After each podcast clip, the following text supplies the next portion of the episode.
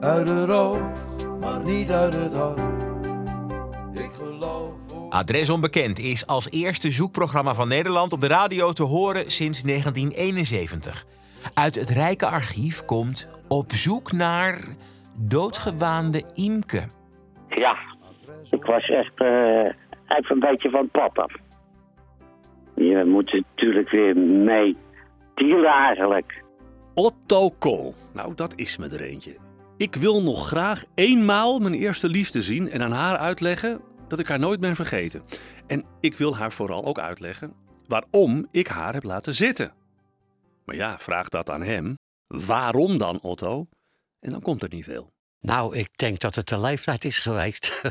Want ja, als je jong bent, dan ben je natuurlijk niet zo verstandig. Dan ben je eigenlijk een beetje wispelturig. Nou ja, hij dan. Hij die het wil uitleggen aan zijn eerste echte liefde. Ja, ja, het is natuurlijk zo.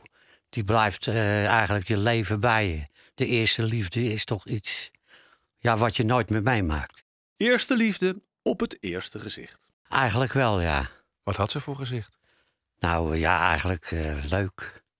Eh, hoe moet ik dat zeggen? Ja, in die tijd had je ook eh, die, die kapsels, die, eh, zeg maar het haar op zolder. Of zoiets. En, Omhoog. Ja, dus dat, dat hoge kapsel. En eh, ja, mijn herinneringen zijn eigenlijk dat ze altijd dat haar zo mooi had. Daar zat ik soms een paar uur te wachten tot ze klaar was met het touperen.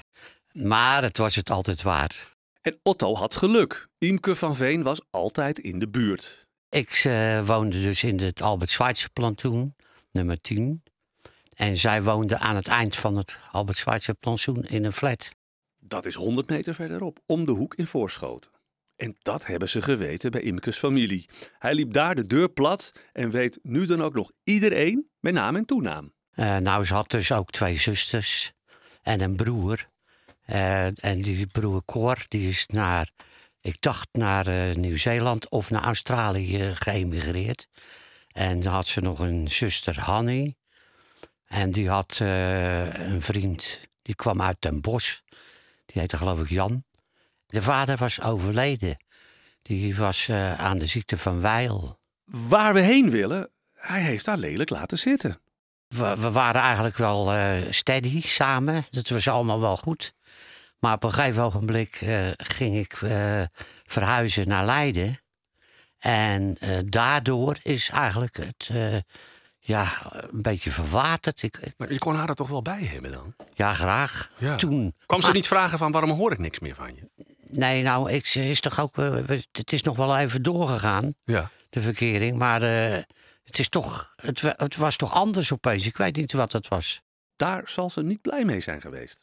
Nee, daarom wil ik dat altijd ah, vertellen aan haar en te zeggen van dat het niet mijn bedoeling is geweest. Oh, dat is mooi, ja. Want Imke van Veen, die zal nu wel denken... hij zat zeker daar in Leiden achter andere meisjes aan. Nou, nee hoor. Otto heeft een verzoek. Hij is behalve de horeca ook de muziek ingegaan, maar dan zijn we inmiddels in de jaren 80. Hij zong en speelde keyboard en hoopt dat Imke hiervan opspringt. Dit zijn de Lino's met het afwaslied. Gooi het zootje op de grond. Smijt de woorden in het rond. Nou de kooltjes van servies. Want afwassen dat vind ik niets. Geef de schalen even. Het had een hit kunnen zijn. Zou het? Ja, maar een hit werd het niet. Eh, nou, eh, in de jaren tachtig heb, heb eh, mijn eh, overleden vrouw heeft, eh, een, een telefoontje gehad. Maar of dat van haar was of van de zuster, dat weet ik niet. Maar- Maar, ik heb daar nooit geen, geen aandacht meer aan En, en geschonken. hoe komt dat? Was er een telefoonnummer en een, en een naam? Nee, alleen eh, ze zei dat het iemand was En uit, toen- Vo- uit Voorschoten die ja, belde. nou ja, ja, toen heb je er dus eigenlijk weer genegeerd. Nou ja, geen aandacht aan geschonken. Zo kun je het ook noemen. Maar dan bereikt onze redactie slecht nieuws. Lida van Egmond uit Voorschoten. ik heb gehoord dat ze overleden is. En dat was geheimzinnig. Dat werd eh, niet verteld. En misschien wil ik het ook wel niet weten. Nee, ik wil het ook niet weten. Imke is jong overleden. Otto schrikt natuurlijk enorm. Ja, ik was echt eh, even een beetje van pad af. Je moet natuurlijk weer mee dealen eigenlijk. Hou je vast. Hoeveel Imkes van Veen zullen er zijn? Er is weer telefoon. Weer uit de regio Voorschoten. Ze stelt zich voor als Imke van Veen en klinkt verbouwereerd. Nou, ik heb wel gehoord dat eh, eh, van iemand dat ik dood was. Ik denk, nou, eh, ja, ik ben verhuisd. Dat ze dat misschien gedacht hebben dat ik de pijp uit was. Ik weet het niet hoe ze daar aankomen. Ik ben er nog in levende lijven. ja. Nou, u toch nog leeft. Ook maar een vraag over Otto. Wat vond u van hem? Ja, ik vond het een leuke jongen. Toen, ja. Ja, ja. Gezellig. Ja, Het was een gezellige tijd met Otto, die nu al een paar weken in de rouw is. We moesten het hem maar gauw gaan vertellen. Nou, het is niet te geloven.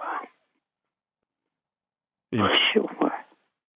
hoi Otto, met mij. Hallo. Jongen, ik ben helemaal de klus kwijt. Het eerste hoor ik allemaal nare berichten. En nu eh, heb ik je aan de telefoon. Ja, Het is niet te geloven. er woont eentje eh, in Tilburg, die heet ook Imke van Veen. Het is gewoon de verkeerde. Oké. Er is weer leven. Ja, ja, ja. Want, Dat kan je wel stellen, zo, ja. Want de vorige keer zeiden we tegen elkaar... nou kan je eh, niks meer rechtzetten uit het verleden. Nee, nee, nee, dat, dat kan. maar Ja, nu weer dat wel. is eh, een hele vreemde zaak geweest. Imke hoort nu eindelijk waarom Otto haar verwaarloosde. Ik was gewoon 15 of 16. Dus ja, ik heb, eh, hij wilde graag vrij wezen. Ja, dat kon aan de ene kant wel, wel eh, ja, ja, dat begreep ik wel. Natuurlijk heb ik het heel rot gevonden. Ja, eigenlijk. Ja, ik, eh, precies hoe ik het zeg. Ik zou eigenlijk eh, mijn excuus willen maken voor de, eh, voor de manier waarop ik je eigenlijk behandeld heb. Ja, dat hoef je niet te doen. Ik Ja, het maar ik, eh, vond, ja, vind het, ik heb het is er nou toch eenmaal zo altijd. gelopen. Ja, maar ik heb er altijd nog toch een wel aan gedacht. Omdat ik altijd heel graag bij je tante kwam in Leiden. Ja, En eh, ik belde om te vragen hè, van hoe het met jouw tante ging. Of ze nog leefde, want ik had al een tijdje niks van haar gehoord. Nou, toen eh, was je vrouw aan de telefoon. Dat verhaal herkent Otto ook. Maar hij heeft altijd gedacht dat ze voor hem had gebeld. Het was dus om tante te doen. Dit voelt als extra tijd. ja, nou, ik vind het wel geweldig eigenlijk hoor. Ja. Maar ja, zo Ik ben- gaat het ben toch, een beetje, dat, dat je altijd... eh, Ja, een beetje ontdaan ook. ik, eh, ik ben echt wel verheugd. En eh, ja, toch blij ook dat ze er nog is.